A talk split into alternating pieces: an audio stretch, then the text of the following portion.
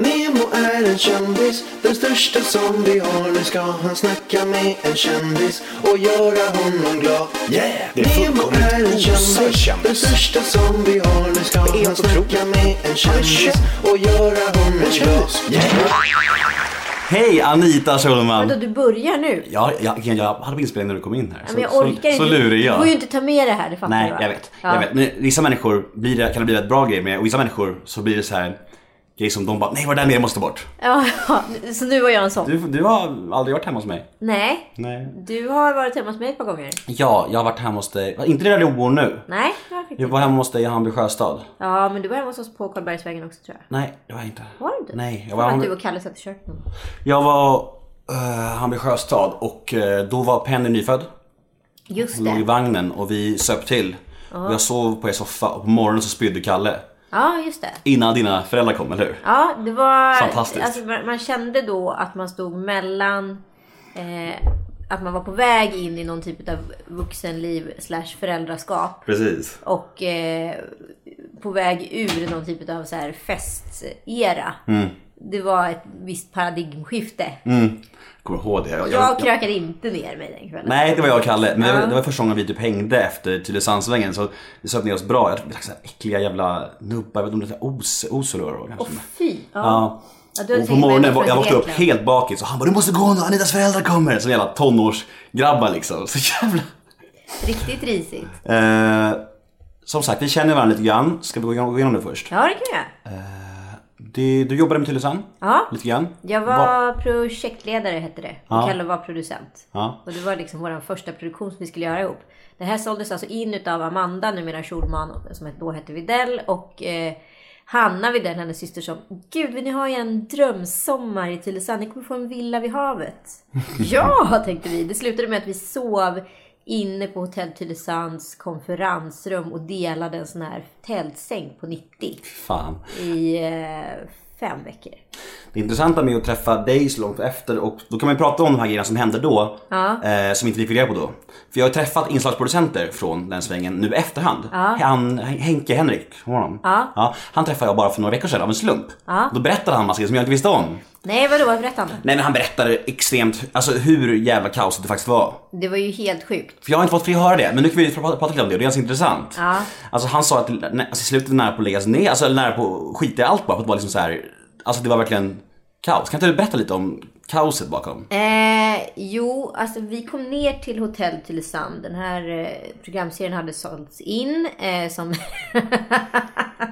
ett gäng härliga, friska ungdomar som ville testa livet eh, i Halmstad. Till Gessle, eller hur? Var det inte det? Nej, men till Hotell Tylösand. Så de hade liksom fått en bild av att det här skulle vara så här skärgårdsidyllen. Alltså det fanns ett program som hette så här... Alltså, Som var yll, hela Ylle lite Ja, mer. hel ylle, ylle dokusåpa-aktig feelgood grej som Mm. hette så här Livet i Sandhamn eller något liknande som handlade om att vara på Sandhamn en sommar och Mm. lokalbefolkningen möter sommargäster och så vidare. Så de hade fått lite idén att det skulle vara det.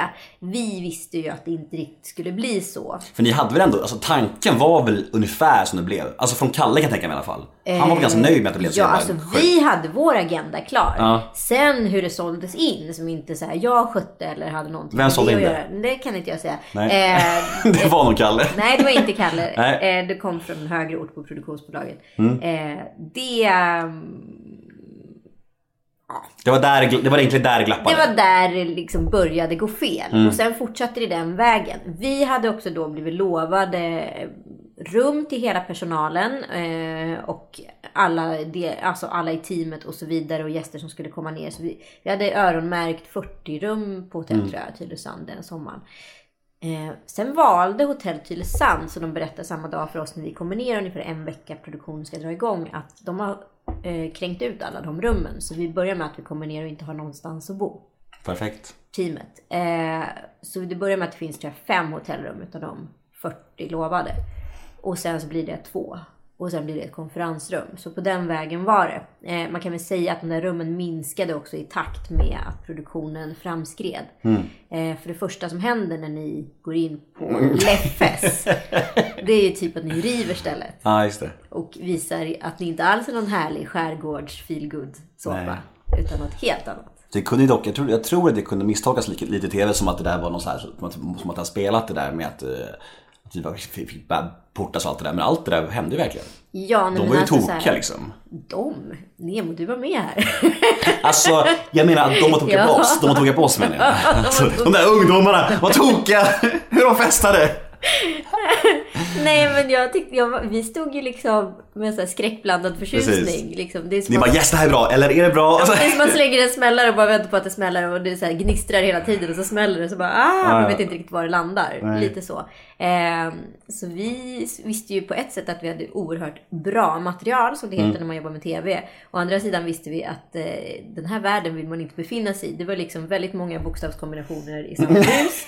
Ehm, det var väldigt mycket konflikter i teamet. Folk sa upp sig på löpande band. Eh, Just det, det var till Folk det också. hoppade av, eh, orkade inte med trycket. För det var verkligen, alltså den bosta, boendesituationen tärde på oss alla. Vi var liksom... Vart bodde ni då? Var... Nej men alltså folk var inackorderade på diverse äckliga Vandrarhem. liksom, rum, Härbärgen. härbärgen, på någon persons liksom bakgård. Mm. Alltså det var en helt inhuman miljö skulle jag säga ur ett arbetsperspektiv. Eh, alltså det, vi hade det liksom motigt på alla fronter och Mm. det tärde tror jag på oss på ett eh, ganska jobbigt sätt. Mm. Och jag tycker att det genomsyrade produktionen lite. Mm. Och i slutet där när, när James blev galen, hur, hur, hur krisigt var det? Det var väldigt krisigt. I princip stod alla i teamet och grät. Är det sant alltså? Eh, och deltagare. Mm. Och vi unisont kände väl att så här, det går inte att fortsätta den här programserien. Han har slagit sönder hela huset. Eh, Fattar ni någon gång vad det var? Var det droger eller? För det är, vi spek- spekulationer inte, kring men, det. men vi spekulerade i det och jag vet inte. Jag vet inte hur James mår. Jag har ingen kontakt med honom idag. Eh, så jag vill inte så här diskutera det heller eller Nej. förutsätta någonting. Men eh, det var en irrationell handling som kanske var lättast att summera på det sättet. Sen vet jag inte om han mådde dåligt på något annat sätt. Men just det här som ändå var ganska mycket hetsande. Det är ju, det är ju alltid intressant att prata om så- sånt där, tycker, alltså, tycker väl samhället överlag. Men alltså det här med att jag kommer ihåg, vi hade en nykter dag tror jag det var. Eh, och då stod Kalle på balkongen och skrek till oss. Åh, kul, ni är nyktra! Åh, otacksamma ni är, ni borde supa, ni, fan, ni får gratis sprit. Och vi bara, ah, vi är helt slut så här, du vet så här. Är det, tycker du att sånt är okej? Eller tycker du att liksom så här, fan, låt dem vara? Liksom, för det Nej. blev ju ganska bisarrt på något sätt. Ja, nej men alltså kungen av Tylösand är inte någon eh, stolthet i mitt Mm, produktionsregister. var ur, ur ett moraliskt perspektiv. Sen så kan jag ju se så här, det tv-kvalitativa i det Mm. på ett sätt. Alltså, då var ju vi först ut. Sen Mm. har ju liksom Paradise Hotel och andra såpor utav samma nisch liksom haft en högre Mm. eller lägre nivå kanske man ska säga i det här fallet. Eh, där också det har blivit väldigt hetsig och hotfull stämning de dagar det har varit nyktra dagar. Där folk är så pass nästan Mm. Abstinen- ja. abstinens eh, desperata så Mm. att de inte kan ha kul utan alkohol. De måste ha det kicket för att här, slappna av eller kunna liksom bara stå ut. Och det ser vi i Big Brother, det ser vi i Paradise Hotel upprepade gånger. Men vi var väl lite först på det här så det var därför det blev så otroligt liksom, polariserat. Så är det.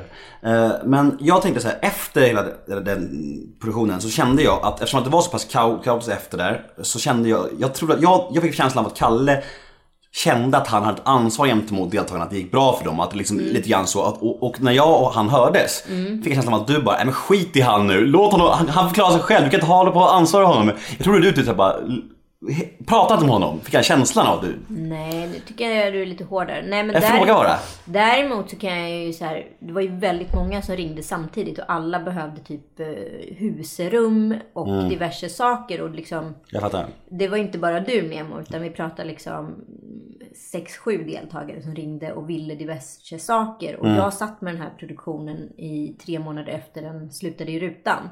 Eh, så den, och den gick ju liksom under skinnet på alla sätt och vis. Och någonstans så kände väl jag bara att nu måste vi liksom ta ett break från produktionen för att kunna liksom bara backa. Och vi har en relation och vi blev gravida. Alltså det var så mycket som hände för oss på ett jag privat plan. Samtidigt så um, ja, det var en ganska så här, rörig tid. Liksom.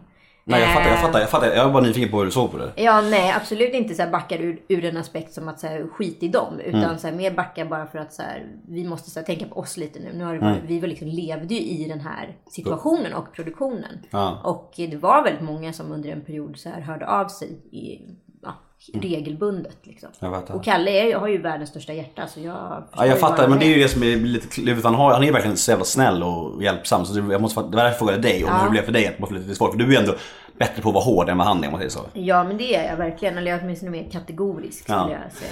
Vi kan släppa till design. Jag ville bara fråga lite om det för jag är nyfiken på de här grejerna. Eh, och det var inte meningen att vara hård. Förlåt om jag var Nej, gud, du får ställa på hur mycket frågor du vill. Jag tycker jag har inga problem med Du är det. ganska öppen så jag tror det Ja, kan bli intressant.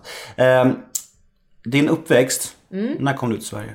Jag kom till Sverige när jag var två och ett halvt. Mm. Eh, och jag adopterade från Indien ursprungligen. Eh, och jag skulle egentligen komma när jag var ett och ett halvt. Men det var ett brittiskt-indiskt par som fick syn på mig där nere när eh, adoptionen var igång. Eh, och inledde en rättsprocess mot de som skulle adoptera mig. Och jag bodde på ett sjukhus. Och det var inte för att jag var sjuk utan det var för att jag var lämnad på ett sjukhus. Och sjukhuset hade någon typ av idé om att man skulle hjälpa till. Eh, för de samarbetade med ett kloster som låg precis bredvid. Eh, ett katolskt kloster. Eh, så jag blev kvar där och fick en amma liksom från dagen jag föddes. Eh, och det var helt uppgjort tydligen mellan min mamma och sjukhuset fick jag senare reda på när jag var nere. Hur tycker du att din, eh, ditt ursprung har präglat dig? Ditt liv? Nej, men jag var liksom... Jag, jag, säga, jag upplever många gånger att i en ung tid i livet då så här, söker man ju sin naturliga svar på så här, vem är jag?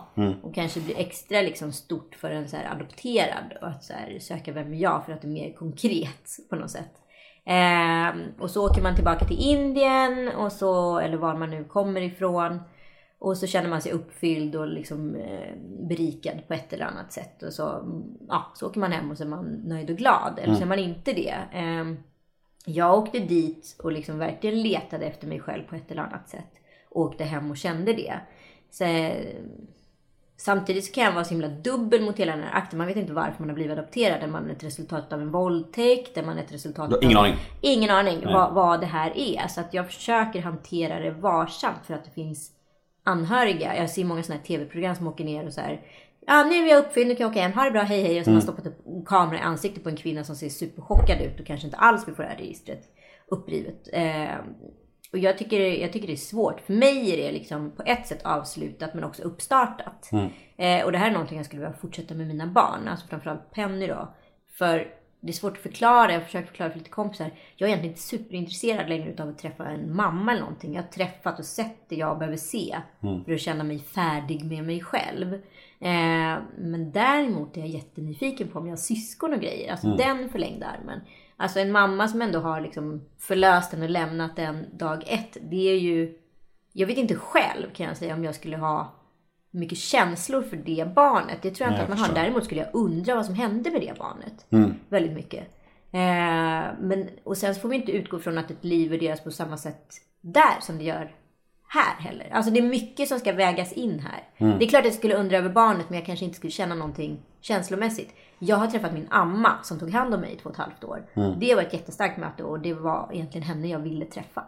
Min mamma är är inne på samma spår som du. Min mamma är adopterad fast från Karlstad då. Ja. Och eh, hon har inte haft så jättemycket intresse av hennes biologiska pappa och så här. Hon är mer varit nyfiken på syskonen och så här. Och, och, och det har hon forskat i. Och det är så hon är på samma spår som dig. Då har hon hittat syskon nu som hon har kontakter med de senaste åren. Ja men det är ju så coolt. Det är skithäftigt. Och de är verkligen så lika också. Det Nej. är, jo, de är jättelika. Det är verkligen fantastiskt häftigt. Ja men det är ju det man vill veta. Så vad händer med dem? Och så här, finns det liksom eh, Precis. syskon? Och vad gör de i Indien? Finns de i Indien? Alltså bor de där? Men kan du, alltså jag vet inte om det här är en dum fråga, men jag blir nyfiken på det. Kan du känna dig eh, utanför i sammanhang, alltså eftersom du, alltså jag tänker så här. Hur man formulerar det, men det var i sl- släktsammanhang. Kan du känna någon slags utanförskap för att du är adopterad? Eh, ja, jag kan känna det på ett tydligt sätt. Kalle är då adlig, som det heter. Så Mm. om man kollar på sin eh, så kallade eh, stamtavla. Som en hund. Han är fin ras. Sina släktband liksom ner till 1400-talet. Ja, ja, ja. Allting nerskrivet liksom. Man vet egentligen vad det är för karaktärer och vad de gjorde och hur de mådde och hur Mm, de kände. Och man, kan, man ser våra barn Say hello to a new era of mental health care. Cerebral is here to help you achieve your mental wellness goals with professional therapy and medication management support. 100% online. You'll experience the all new Cerebral Way, an innovative approach to mental wellness designed around you. You'll get a personalized treatment plan from a therapist, prescriber, or both in a safe and judgment free space. Your Cerebral therapist or prescriber will outline a customized plan with clear milestones along the way so you can get to feeling your best. With Cerebral, you're not alone in your mental health journey.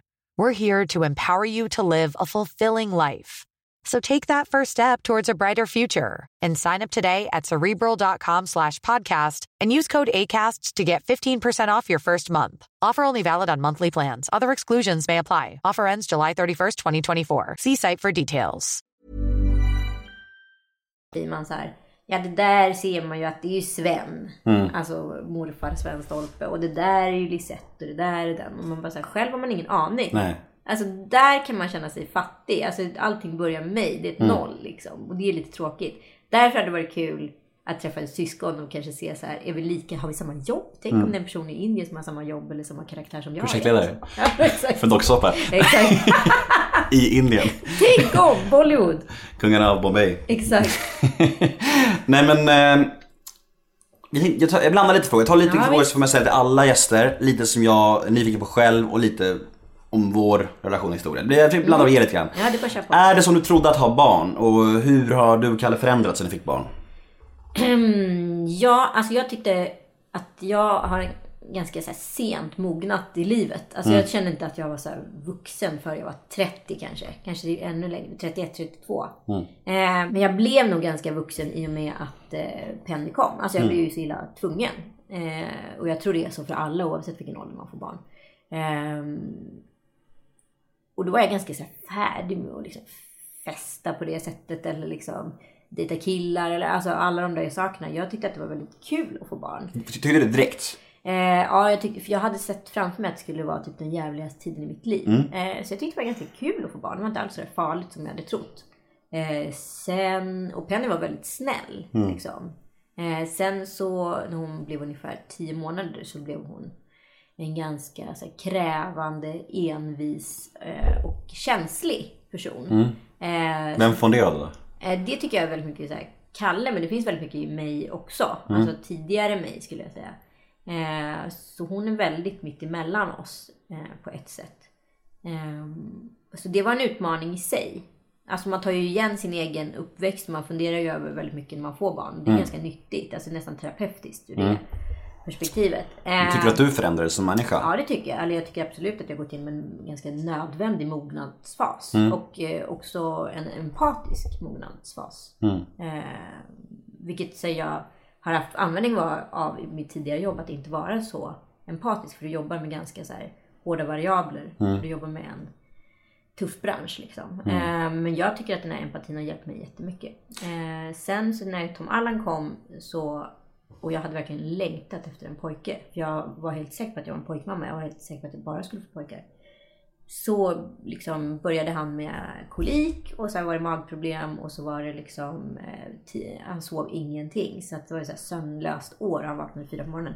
Så det var jävligt tufft ur en så relationsperspektiv. Men han är ett väldigt mycket lättare barn. Han är vild men han är väldigt lätt. Hur påverkas relationen mellan eh, alltså, kvinna och man av eh, en sån barn som tar så mycket? Det här kolik tänker jag så här. Ja, nej, det, det påverkas inte superbra. Alltså, man, man får bara så här försöka prata med varandra och sig själv och säga så här, det här är en fas, det går över, men just nu är det jävligt. Och det är ganska svårt att intala sig det mellan två och tre på natten när någon har skrikit i fyra timmar. Ja, jag fattar det. Fan alltså. Men ni är ju ganska en väldigt öppen familj medialt. Alltså rent på Instagram och Twitter och så här med bilder och filmer och så här. Eh, Så jag, jag vet att ni har fått lite, lite kritik om det här men jag vill ändå röra vid det. För att jag, jag personligen lägger inga värderingar vid det. Jag tycker att man ska vara öppen. Jag tycker det är fint och det är väldigt fina filmer på era barn. Kan du någonsin tänka att de exponeras för hårt? Och har ni några spärrar när det gäller sånt? Men jag har ju valt att inte tänka på det här ur ett exponeringsperspektiv. Vi har Nej. pratat om det jättemycket hemma och vi har pratat om det här lite medialt också. Nu får ni chansen här. Nu får jag chansen här. Nej men eh, jag, jag tror och jag har jobbat och pluggat kommunikation i alla år och jag är jätteintresserad. Jag har jobbat tio år med sociala medier på olika sätt. Och som jag ser det ser jag att det kryper ner i, i åldrarna. Eh, jag såg idag att Socialdemokraterna kom med ett lagförslag att det skulle bli en block om två år för upp till 16 år. Eh, Det tycker jag är helt fel skulle jag säga. Det, det tycker jag är, alltså de som driver utvecklingen framåt och de som föds med internet i blodet blir alltså fråntagna sina verktyg här. Det är, det är bland det konstigaste jag har varit med om. Mm. Sen tycker jag att någonting borde inskaffas istället som är så här något internet-id. Mm. Som att man lämnar av sina så här eh, digitala spår var man än befinner sig så att man så lättare kan motarbeta näthat och den typen av grejer. Mm. Men, eh, men vad heter det, att så här, ta bort eh, omöjliggöra för unga att få använda, vara ute på internet. Det är helt sjukt. Men kan du, kan du känna liksom, om, om Kalle lägger upp någonting, ett klipp säger vi. Och kan Ja. du, händer det att du bara, nej men det där är över gränsen, ta ner, ta ner det där. Eh, nej, det var någon gång tror jag han, jag blev så här, lite så här, han la ut och skrev, hyllade hennes förskola. Var jag så här, fast det är ganska onödigt att folk vet vilken förskola Ja, verkligen. går på. Eh, och då tog han bort det på en gång. Men annars så tycker jag att han faktiskt håller sig inom en bra nivå. Och sen så, som jag ser det, är inte det en typ av exponering. Vi, står, vi ställer inte henne på en scen och tvingar henne att dansa. Nej. Hon säger ju det där för att hon vill säga det. Är det för, första tagningen då? Alltså sånt där. Man, tänker här med klippen med Penny just, att det här är liksom, för det känns ibland som att det är typ femte gången. Eh, jag, vet, alltså jag ser inte så inte. ofta när, Kalle och hon gör oftast grejer när de är på väg till förskolan. Ja. Eh, Så du är inte med live? nej, men ibland kan det vara så här. Kan inte du säga det där igen? Och då har ju han sagt det själv. Mm. Det är, lite, det är lite, som, lite som dokusåpa. Ja, exakt. Exakt. Ja, men vi jobbar ju. Nej men, nej men och ha- han och hon har en helt annan typ av tugg än Mm. vad hon och jag har. Så att jag får aldrig henne att säga sådana roliga saker. Du, du har försökt? Ja men alltså de, de har liksom byggt upp en kommunikation. Nu måste du gå och fixa din kind. ja. Jag pliar bort en finne. Ja, nu måste du blöda jättemycket. Är det sant? Ja, Du får prata, jag tar papper. jag gör det. Eh, Jag är så pillig av mig. ja men jag märker det.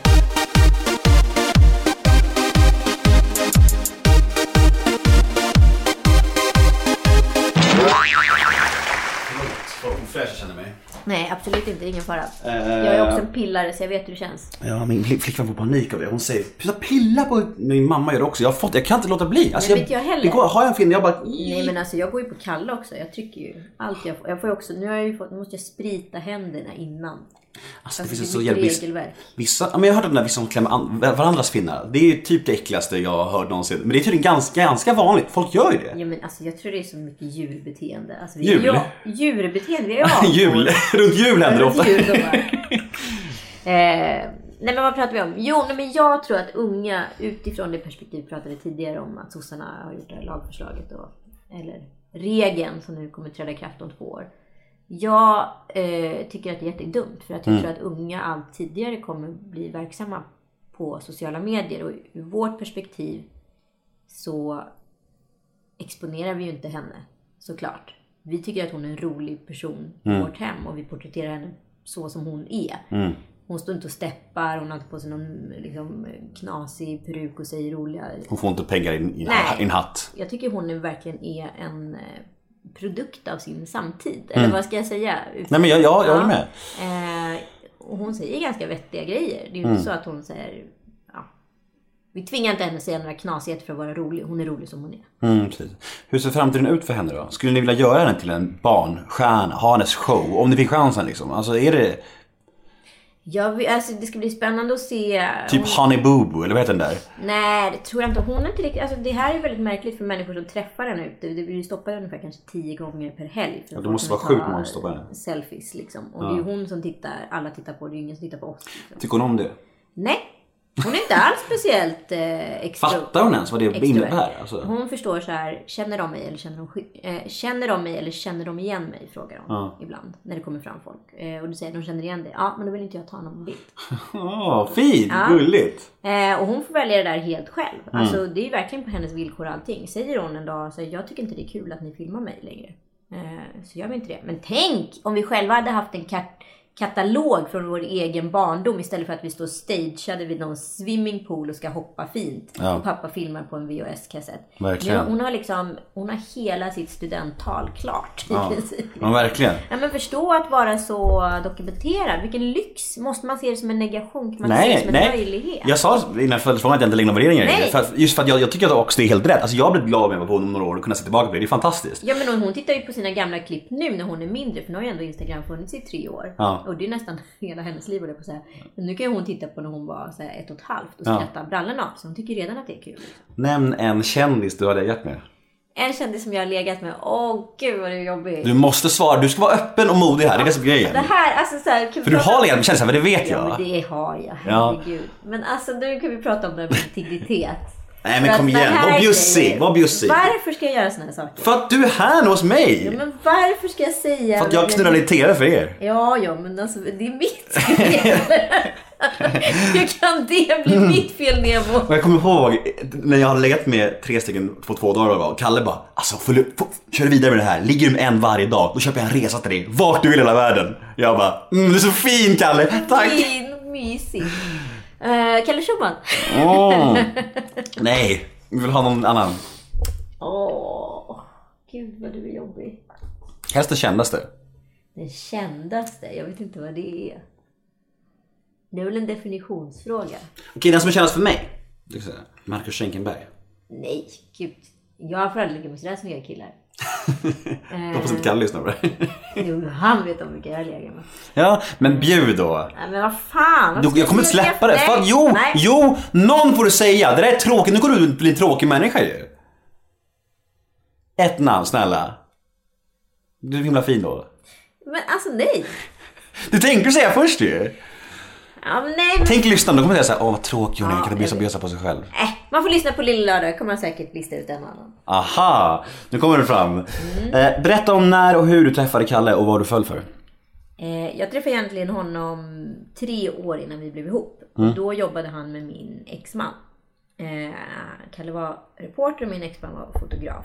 Din exman heter? Eh, Mattias. Mm. Eh, och eh, de jobbar med TV och jobbade i team. Och Mattias sa att fan den här snubben är råskön. Kanske ska käka middag med honom någon dag. Han har en tjej och så visade det sig att jag kände då Kalles tjej. Eh, på annat håll för jag jobbade på, förr i tiden väldigt mycket med mode och, och den, den typen av värld. Eh, och hon var en modetjej. Eh, så vi skulle käka middag men det blev aldrig av och sen tog vi någon drink på stan. Och sen blev det, tog det slut mellan han och Linda tror jag hon hette. Eh, och, eh, Lindarv. Lindarv, precis. eh, och eh, då träffade jag Kalle med massa utav hans dejter. Liksom, Eller hemsläp eller vad det nu var. Han hade sin ganska stora blogg då också som hette Schulmania. Så jag följde ju den här mannen på avstånd. Så du var lite, du visste att han vem var som känd, känd som offentlig människa innan ni började dejta? Ja, ja, gud ja. Såklart man känner till han och Alex. De var ju så här, de var ju hotshot. De hade Stureplansgruppen. Eller vad heter, nej förlåt. De hade den här Schul- Schulmangruppen och det var Tusen apor. Tusen apor, ja. De var ju verkligen i ropet. Eh, och sen stod det slut mellan mig och mitt ex utav helt andra anledningar än Kalle Schulman.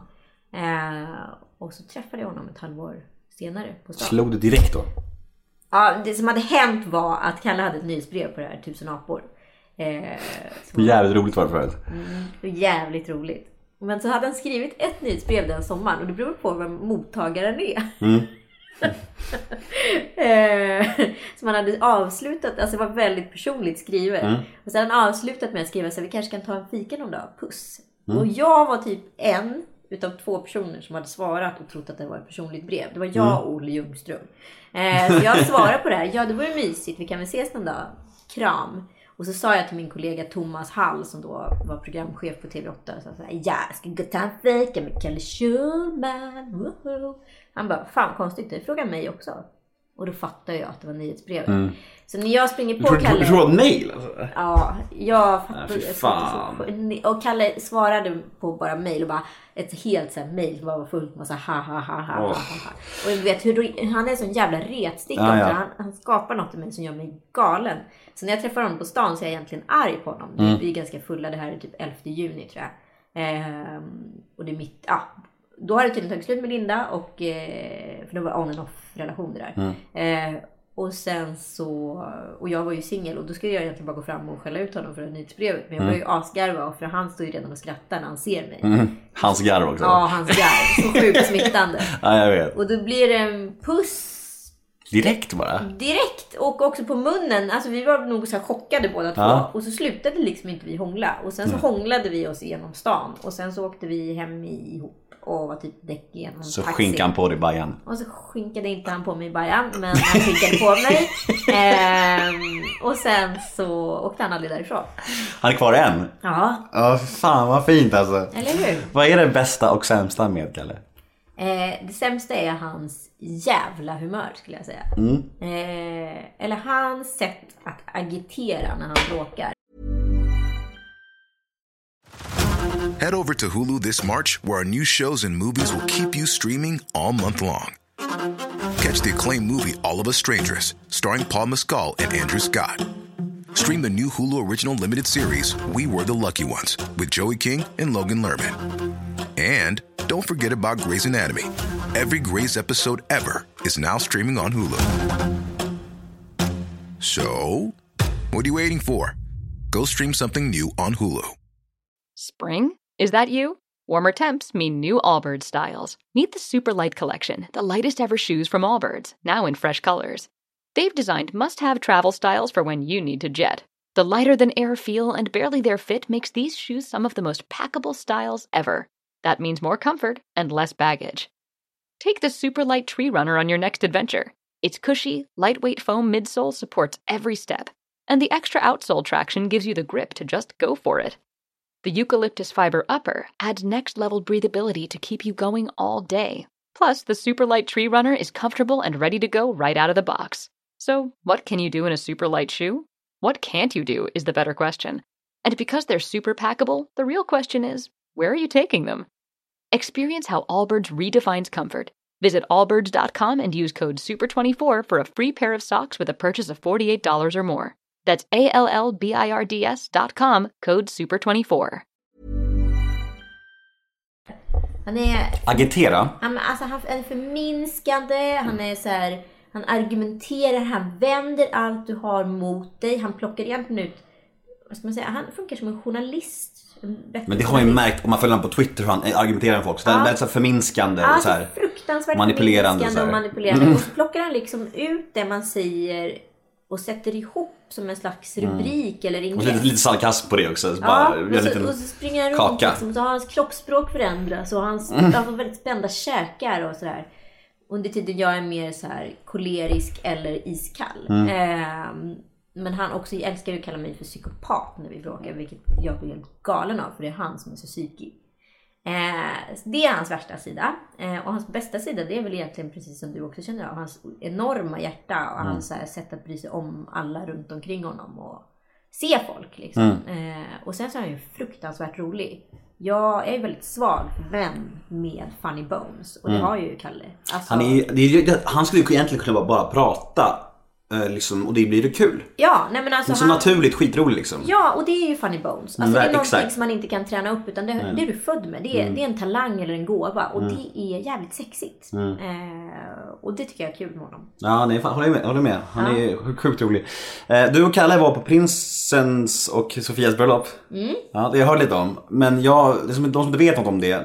Det mer vipp än så går det inte riktigt att bli. Ja, det var VIP. Ja, kan du berätta lite om det bröllop- bröllopet och festen och så här? Någonting bara. Eh, nej men det var ju fantastiskt. Mm. Vilket jävla party och vilken lokal. Det var i slottet alltså? Ja. Fan. Eh, det var fett, det måste jag nog säga så här, på så här maxade upplevelser. Eh, var det absolut med på topp 10-listan. Eh, Vem fe- Vem festade hårdast? Nej men alla är jättebra på att festa. Alltså alla stod ju med så här näsdukar och på scenen tillsammans med Avicii till långt in på småtimmarna på morgonen. Alltså det var ju nästan surrealistiskt att se liksom allt från höga präster till liksom tiaror som så här alltså hoppar på ett dansgolv som också är liksom ett dansgolv på, en, på ett slott. Det var ju väldigt roligt. Eh, nej men vad ska jag säga, det var fantastiskt. Alltså var någon så här, ja festen håller på till fem. Eller var någon så här, det var så här, vi håller på så länge det går. Ja, Det var så, inget tidigare. nej. Fan fett. Eller hur? Ja. Hur var kungen? Härligt. Ja, festade han bra? Stämmer ryktet om, han är, har ju ett festrykte men det är, och det är inget negativt. Men han verkar ju vara lite så här festig. Nej men alltså vi var väl där allihopa. Ja. Under samma villkor. Det är ju bröllop. Det är man ju oftast med i matchen. Liksom. Fett. Eh, du har varit inne på det lite förut det här, eftersom att vi båda har, eller du har haft ett knepigt relation till alkohol tidigare. Och jag har haft det ja, mycket till i mitt liv också. Och så därför tänkte vi prata lite, om det. Ja. Hur ser ditt alkohol, relation till alkohol ut idag? Och hur var den förut? Nej men jag har nog varit en eh, person som om man nu skulle se på ett spektra utav så här unga personer som festar. Så dricker man ju mest mellan eh, egentligen 17 års ålder tror jag det är, och 29 års ålder. Eh, och jag har absolut varit en av de som har festat hårt eh, i den skaran. Eh, jag tycker att alkohol är en ganska så här, komplicerad eh, drog, om man ska kalla det för det. Eh, det är en drog man kanske måste träna på. Och när man är ung och dricker så är det inte någonting som är naturligt att man ska kunna så här, hantera det. Nej. Ehm, jag har alltid druckit för mycket för jag är ganska liten och vissa gånger har man druckit jättemycket och så har man inte blivit full alls och så fattar man inte varför man inte blev det och så dricker man lika mycket gånger efter så blir man jättefull och man fattar ingenting. Ehm, nu har jag så här, jag tycker inte liksom det är så ballt. liksom. Och syftet med alkohol är inte längre riktigt att bli full utan man vill bli lite skön. Ehm, så just nu så är väl jag i en fas i livet där jag stannar vid att bli skön. Och med två småbarn hemma så pallar man liksom inte att bli för full. För att dagen börjar ändå klockan sex oavsett om du kommer hem klockan fyra. Ja, precis. Hur mycket mer bakis blir du idag än för 15 år sedan? Eh, oerhört mycket bakis. Alltså är jag full på en lördag eh, så kan jag räkna med att vara dålig på en tisdag.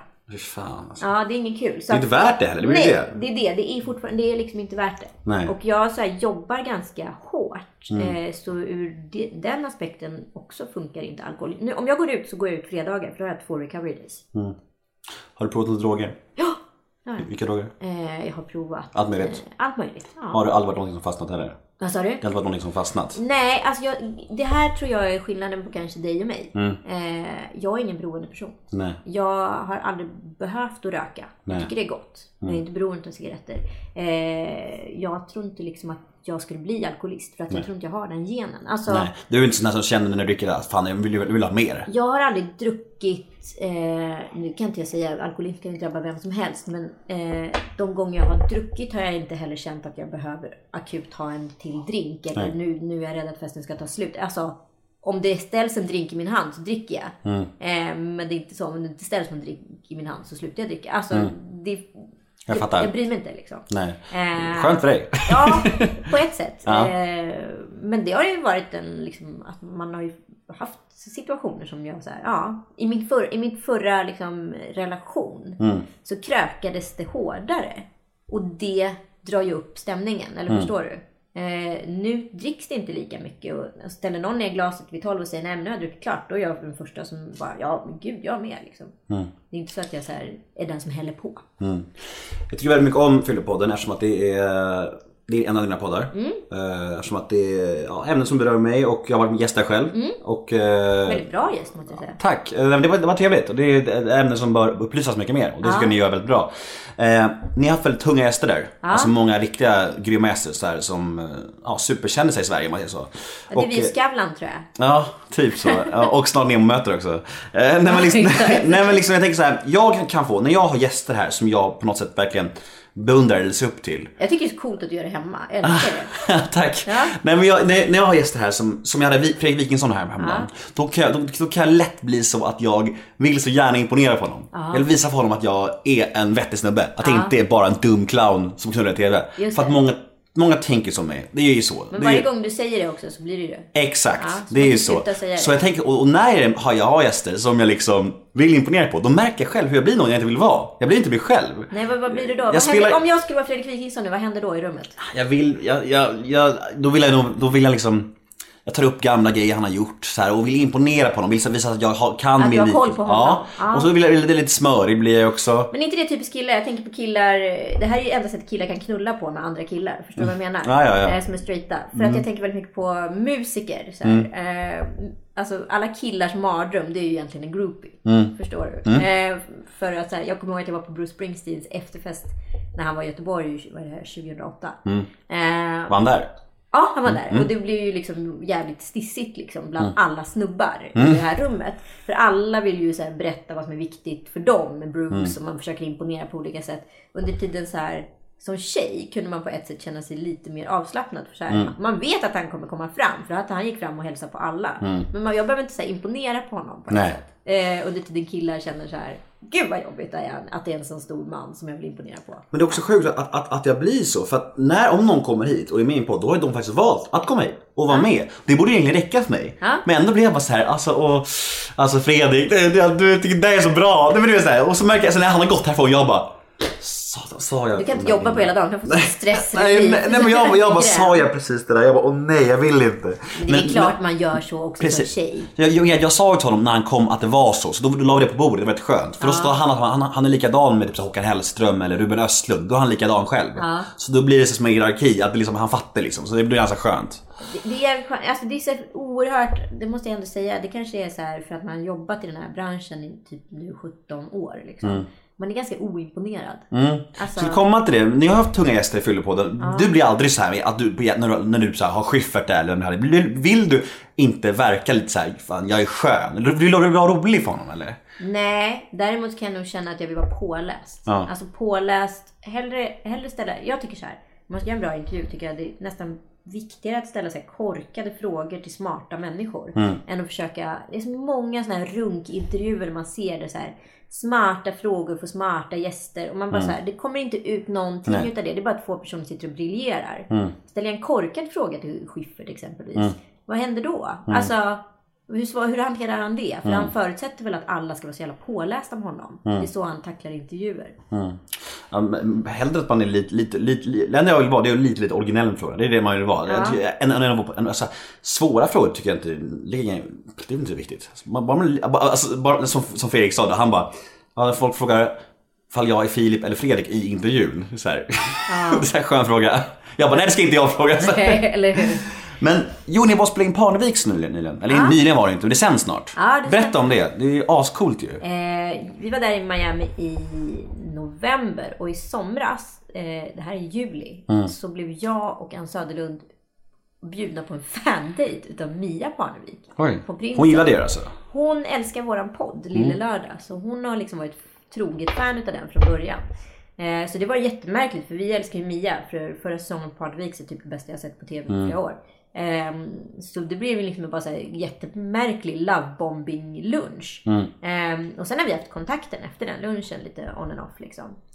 Eh, sen hörde hon av sig till mig i oktober och sa så här, vi vill jättegärna att ni kommer till Parneviks. Tror inte att jag är galen. Jag var så här, eh, okej, men vill kanalen det här? Alltså så här, Men bestämmer de gästerna själva? Jag trodde TV3 bestämde gästerna. Nej, de är tydligen jättemed med i Ja, själva fan cool. castingen. Eh, och sen så ringde Jesper, Kalle och var så vi vill att du kommer till Parneviks. Eh, De har aldrig snackat med varandra förut. Nej, Nej. Eh, de hade snackat lite tror jag på Twitter. Mm. Jag älskar ju sociala medier ur den aspekten. Helt plötsligt får man en brygga och vågar prata med människor Ja, som man kanske coolt. aldrig skulle få en kontakt med innan annars. Eh, och vi var såhär, ja vi får ju vänta på vad så här, kanal och produktionsbolag säger. Och Mm. sen så tog vi nästan en månad och sen blev det ett go. Så jag tror vi åkte där dit i slutet på november. Det gick ganska fort när det väl bestämdes. Och då... Ja. Hur, hur var inspelningen? Nej men de är ju precis... De är underbara bara. Ja, som du ser, det du ser i rutan, det Ja. är exakt vad de är. Mm. De är totalt transparenta och det tycker jag synkade lite bra med oss också. Men precis. Men alltså jag tänker att om det är som, som det blir, om man har ett avsnitt med Parneviks och er familj som är väldigt transparenta. Ni är väldigt, ni är väldigt nakna med vad ni är. Alltså vad har man en så här inslagsproducenter och sånt till då? Ja, det kan man undra. Nej, bra. Nej, men de gjorde ett jättebra jobb. Framförallt så kanske de funkar också lite som sufflöser. Att de Mm. så här kan... Eh, Mia och Jesper har inte stenkoll på våran backstory Nej. om man säger så. så att, Läser de på om alla gäster innan? Det måste de göra. Nej, lite. Men jag tror att det är där också så här inslagsproducenter kommer in. Mia, skulle inte du kunna prata med Anita om hennes adoptionshistoria exempelvis? Typ som du var ju lite mer påläst Mm. uppenbarligen. Eh, nej men sådana grejer som kommer fram som kanske inte hade kommit fram annars. Sånt som, Men- sånt som är så sjukt onaturligt så mycket bättre. Kan exakt. inte du fråga den om Ja. det där? Man bara, det är så jävla... För de som inte jobbar med TV eller vet om TV, de ser inte sånt. Det är så Nej, sjukt. exakt. Jag sa till min tjej, hon bara, nej men det där var nog riktigt vad jag bara, nej det är omöjligt, omöjligt är det! Men hon fattar inte det. Nej, Det är gulligt. det är ju bra. Då har ju TV gjort ett bra jobb. Exakt. Eh, nej men jag tror så här att är man med i det här programmet då måste man liksom spela deras spelregler. De har ju haft många gäster där som har varit mycket slutna, haft hög integritet och så. Och då blir det ju inte superbra heller. Nej. Utan så här, och då faller det ju bara tillbaka till, på gästen. Eh, istället för att de ser dumma ut. För de är ju som de är liksom. Hur, men, eh, men alltså hur, eh, hur blev, resultat, blev resultatet? Blev det, det, det känns som att det är upplagt för ett suveränt avsnitt. Jag tror att det kommer vara Penny Schulman show om jag ärlig. såklart. Ja. Eh, så vi får se. Jag vet ingenting. De säger att de är jättenöjda på produktionsbolaget. Eh, men det är inte färdigklippt än. Nej, grymt. Hur tycker du det är att att vara offentlig människa? Eh, är det endast positivt eller kan det vara något negativt på det? Du är inte jättekänd, du är ändå en offentlig människa liksom. Ja, jag är offentlig men inte känd. Så Ja. skulle jag se på mig. Och jag skulle nog aldrig se på mig själv känd. Nej. Och det hänger nog också ihop med att jag har jobbat så länge liksom bakom. Mm. Så jag har svårt att ge liksom... Men med tanke på... Jag jobbar med, med mig själv som varumärke. Det finns en känd eh, Anita som jag jobbar med. Men sen så är jag ju alltså ooffentlig på ett sätt. Eller offentlig men Ja, jag fattar. ja, inte men, men, varumärke när jag är privat. med tanke på eh, vilken vidrig kall SD-våg som går genom Sverige just nu så har jag sett att du får lite så här konstiga hatgrejer på Twitter och sånt där. Hur tar du sånt? Alltså du vet...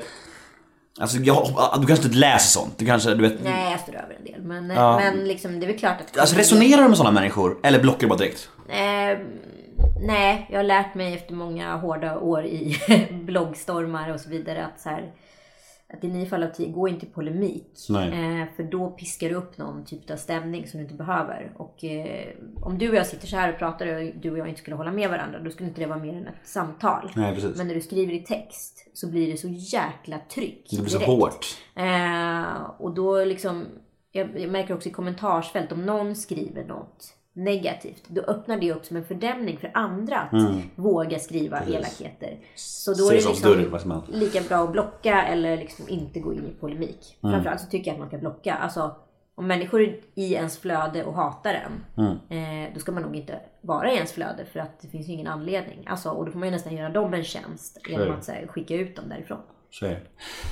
Veckans brev. Originellt va? Oj! Eh, Hej Anita, hur är din och Kalles relation med Alex och Amanda egentligen? Det känns lite till och från. Du verkar så himla härlig. Hälsa henne. Eh, vår relation med Alex och Amanda är jättebra. Eh, vi ska åka och fira Alex 40-årsdag i London eh, om ett par veckor. Eh, jag ser ständigt dessa spekulationer online. Men Det kanske, det kanske är snarare Alex och Kalles relation. Det Jag tror det kanske det är er parrelation. För, för de har ju haft lite gna- gnabbigt. Och det, om man, Ja, men om de man är bröder. Precis, Det det är med, så komma till det. Det är, Och det är det- naturligt. Ja, och vi är också så här svägerskor och det blir ju så här knasigt om, om vi skulle så här hänga ifall de bråkar eller vad det nu är. Alltså Mm. vi får ju liksom, vi sitter väl still i båten men sen jobbar ju både jag och Amanda jäkligt mycket och vi har nog aldrig hängt jättemycket förrän innan vi hade barn. Då var det Mm. mycket lättare att umgås. Sen har vi barn och karriär på olika håll liksom. Jag har typ aldrig sett en bild på och Amanda Men vi är ute ganska ofta, eller ganska ofta, vad ska jag säga, det är en överdrift. Men så en gång i kvartalet kanske. Eh, men vi är ju väldigt offentliga hela tiden. Eh, så vi behöver inte ta bilder på varandra riktigt. Nej. Eh, får se om det kanske dyker upp någonting från Alex 40-årsfest. Men eh, det där är så märkligt för att så här, jag, om inte jag är typ på Elgalan eller så här, så visar jag ju sällan upp vilka jag umgås med. Där finns ju min integritet. Liksom. Ja, Jag fattar. Men vad var hennes funktion egentligen i Tylösand, Amanda? Hon var då exekutiv producent. Okej. Så hon var med och sålde in programmet kanske. Ja, det, det var där kom det fram. Det var som sålde in det. Det var hon alltså. Det var inte bara hon, men hon var med. Ja. Okej. Mm. Eh, det är intressant. När, när, när, när är 40-årsdagen förresten? Eh, den är i februari. Det är stor fest. Vi blir några stycken. Jag kommer ihåg när, eh, Alex ringde mig och han, han sa så här. Fan, kan inte du och, kan inte du och Jockiboi dyka upp på Kalles svensexa? Den där Ja, jävla svensexan. Jag bara, ja jä- jättegärna, det vore skitkul. Så, så, bara, så ringde han upp sa, det blev inget, det blev kaos, det blir inget med det där. Det, det där var ju liksom svensexan alla liksom eh, hangover. ja. Det var ju, det var ju sjukt Ja. det som hände. Och Ja. då skulle egentligen... Det var någon bråk mellan polis och, polisen och en kompis där, eller vad var det? Jag vill inte gå in på detalj för det är fortfarande ganska outrett vad som hände. Men, men det slutade med att det stod liksom sju snutar där och Kalle liksom lyftes Grät. upp. Fick han stryk eller? Nej men det var ju liksom en ganska infekterad stämning. Plus Mm. att de hade så här, haft sönder grejer och folk hade bråkat med varandra. Ah, skitsamma. Mm. Men det är, det är väldigt länge sedan. Men då var ju tanken att den kvällen som egentligen var den lilla svensexan. Skulle varit en lugn kväll. Mm. Precis. För att sen skulle Kalle tänka så här, gud vad härligt och trevligt allting var. Och så skulle liksom han bli dumpad på Finlandsterminalen och där skulle du och Jockiboi stå Mm. och ta med honom ut på en riktig rövarsväng. Men så blev det inte. Det blev lite tulmat. Vi var skittaggade! Fan deppigt! Innan. Mycket, ja, mycket blod istället vart det tydligen. Det vill vi inte prata mer, det är äckligt. Jag har ett segment som heter ett ord om. Ja. Eh, jag ser fem offentliga människor i Sverige du får säga första ordet som kommer i ditt huvud. Mm. Alex Schulman. Knasig. Marcus Birro. Eh, destruktiv. Sara Larsson. Underbar. Jimmy Åkesson. Eh, farlig. Lek-Ove Persson. Intellektuell. Bra. Personliga misslyckanden, saker du ångrar. Vad kommer först on top of your mind? Saker som har gått åt helvete som du verkligen tänker, fan det där, det där borde jag inte gjort. Det var ett dåligt karriärsval. Det där borde jag inte Typ. gjort. Eh, nej, jag är ganska... Gud vad det låter självgott att säga så. Men jag, alltså nu, här och nu så kan jag inte säga någonting på rak arm som jag så här konkret ångrar. Sen tycker jag att ibland... Gunnar till Lisanne. Ja, nej, nej men jag ångrar inte. Jag Men- tycker man liksom lär sig någonting av allt. Det det kan man göra med så här perspektiv. Men när man är i vissa saker. Då kan man bara säga, vad fan håller jag på med? Precis. Men det är mycket lättare att identifiera då. Nu idag med liksom så här, lite så här, som Elsa säger med lite perspektiv på det hela. Eh, alltså det där blev lite vagt. det är Jag lugnt. tänkte på, ja, men, nej men som Elsa i Frost säger, with some distance. Då, då verkar allting ganska litet liksom. Och så Och det är ju det klyschiga svaret på den här frågan. Det, Ja. det är så här, och allt jag gjort har format mig till den jag är idag. Det Ja, och det alla... är jävligt klyschigt och platt att säga så. Så jag tänker då inte säga så. Men jag skulle säga så här, ibland har jag tagit på mig lite för stora kostymer som jag inte liksom eh, Typ. mäktat med. Nej men jag har tagit på mig en, ro- en yrkesroll som jag kanske inte var färdig för. Eh, och då hamnar man i dumma situationer. Sen tycker jag att det är svårt att vara eh, med ledarskap när man är en ganska ung tjej. För man har inga bra, om man inte har några bra referenser på ledarskap runt omkring sig. Eh, då kan det, ett ledarskap gå ut på att man är bitchy eller bråkar eller så här är man chef. Alltså idén av att vara chef. Och jag kan säga att jag var en ganska dålig chef eh, stundom i mitt liv. Och det kan jag tycka är tråkigt i efterhand. För idag har jag fattat att är man schysst mot alla så bygger man en bra organisation.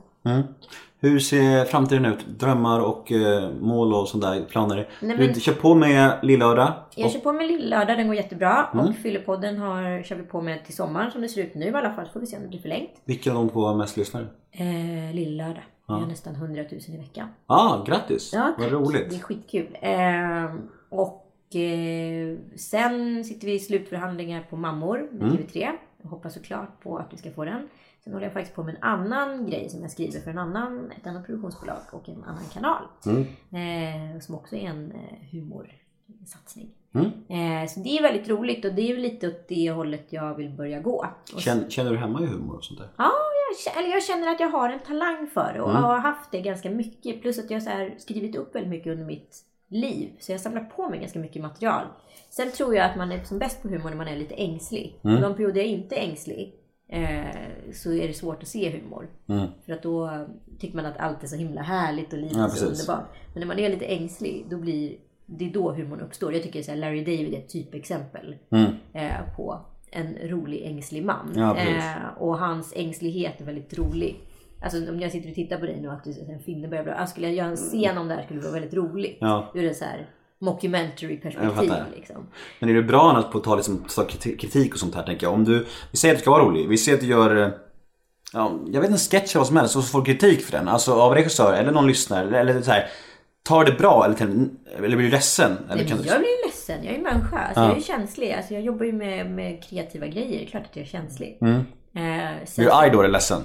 Ja, men jag blir nog förolämpad. Det är väl en mix Kränkt. av arg och ledsen. Ja. inte kränkt. Jag tycker det är lite hårdare. Jag tycker det är ett missbrukat ord till att börja med. Kalle, Kalle blir kränkt. Jag blir, jag blir, jag blir förolämpad. Hans bror blir ännu kränktare kan jag säga.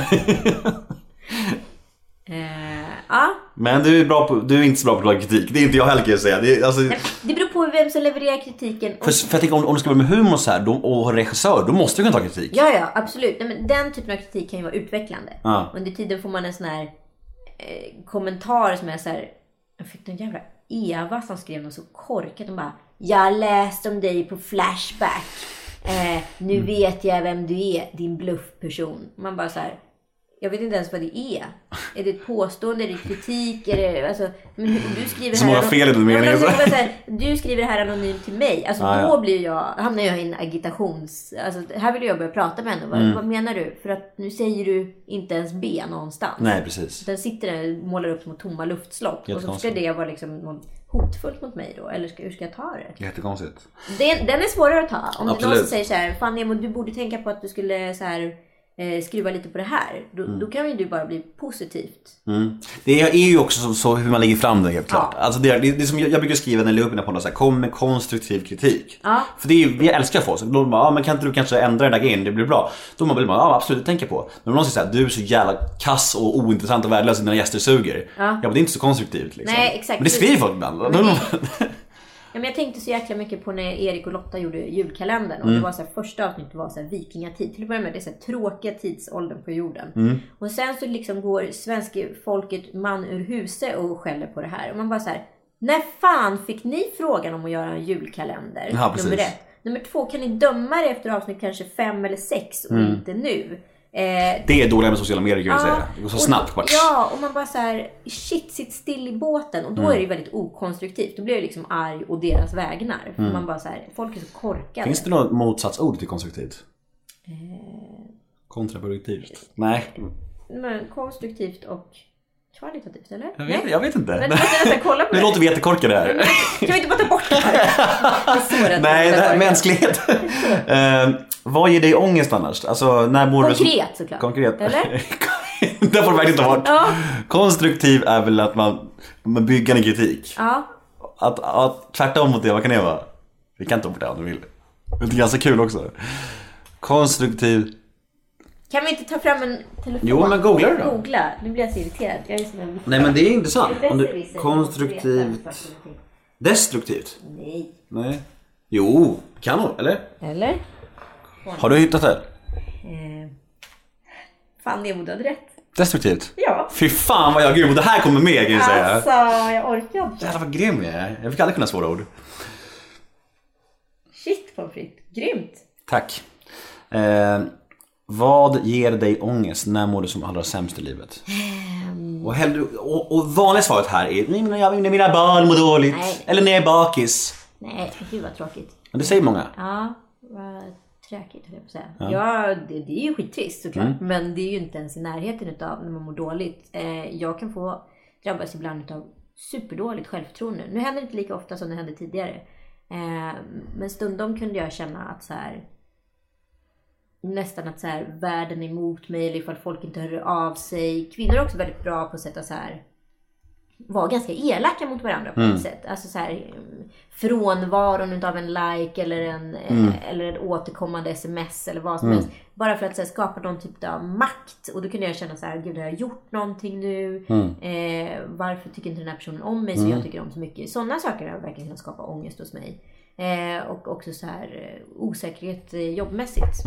Det tycker jag var jobbigt tidigare. Jag har utan någon anledning, och jag tror det har med barnen att göra, eh, liksom blivit lite äldre. Så det blir inte lika jobbigt längre. Plus att det går ju bra just nu. Så, så är det ju såklart att de där demonerna håller sig på avstånd. Men du har inget problem med ångest? Nej. Eh, Du är en harmonisk människa? jag är nog ganska harmonisk men jag är absolut eh, dippar. Skulle jag säga. Sen när jag har PMS.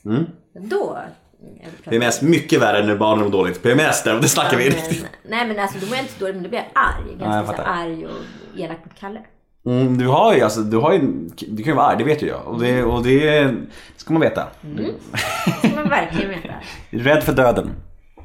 Ehm, jag är rädd att sätta andra i skiten med att jag skulle dö.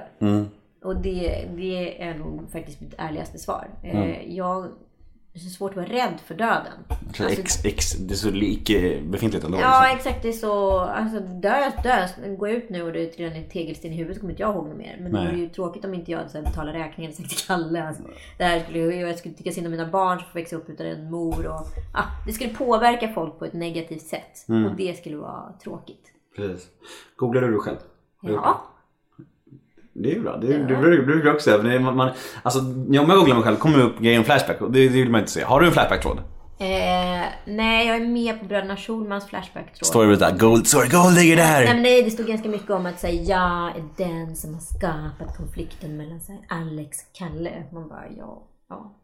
Eller så Är du det? ju de, Är det? Eller så är ju de brorsor. De kan väl lösa det själva.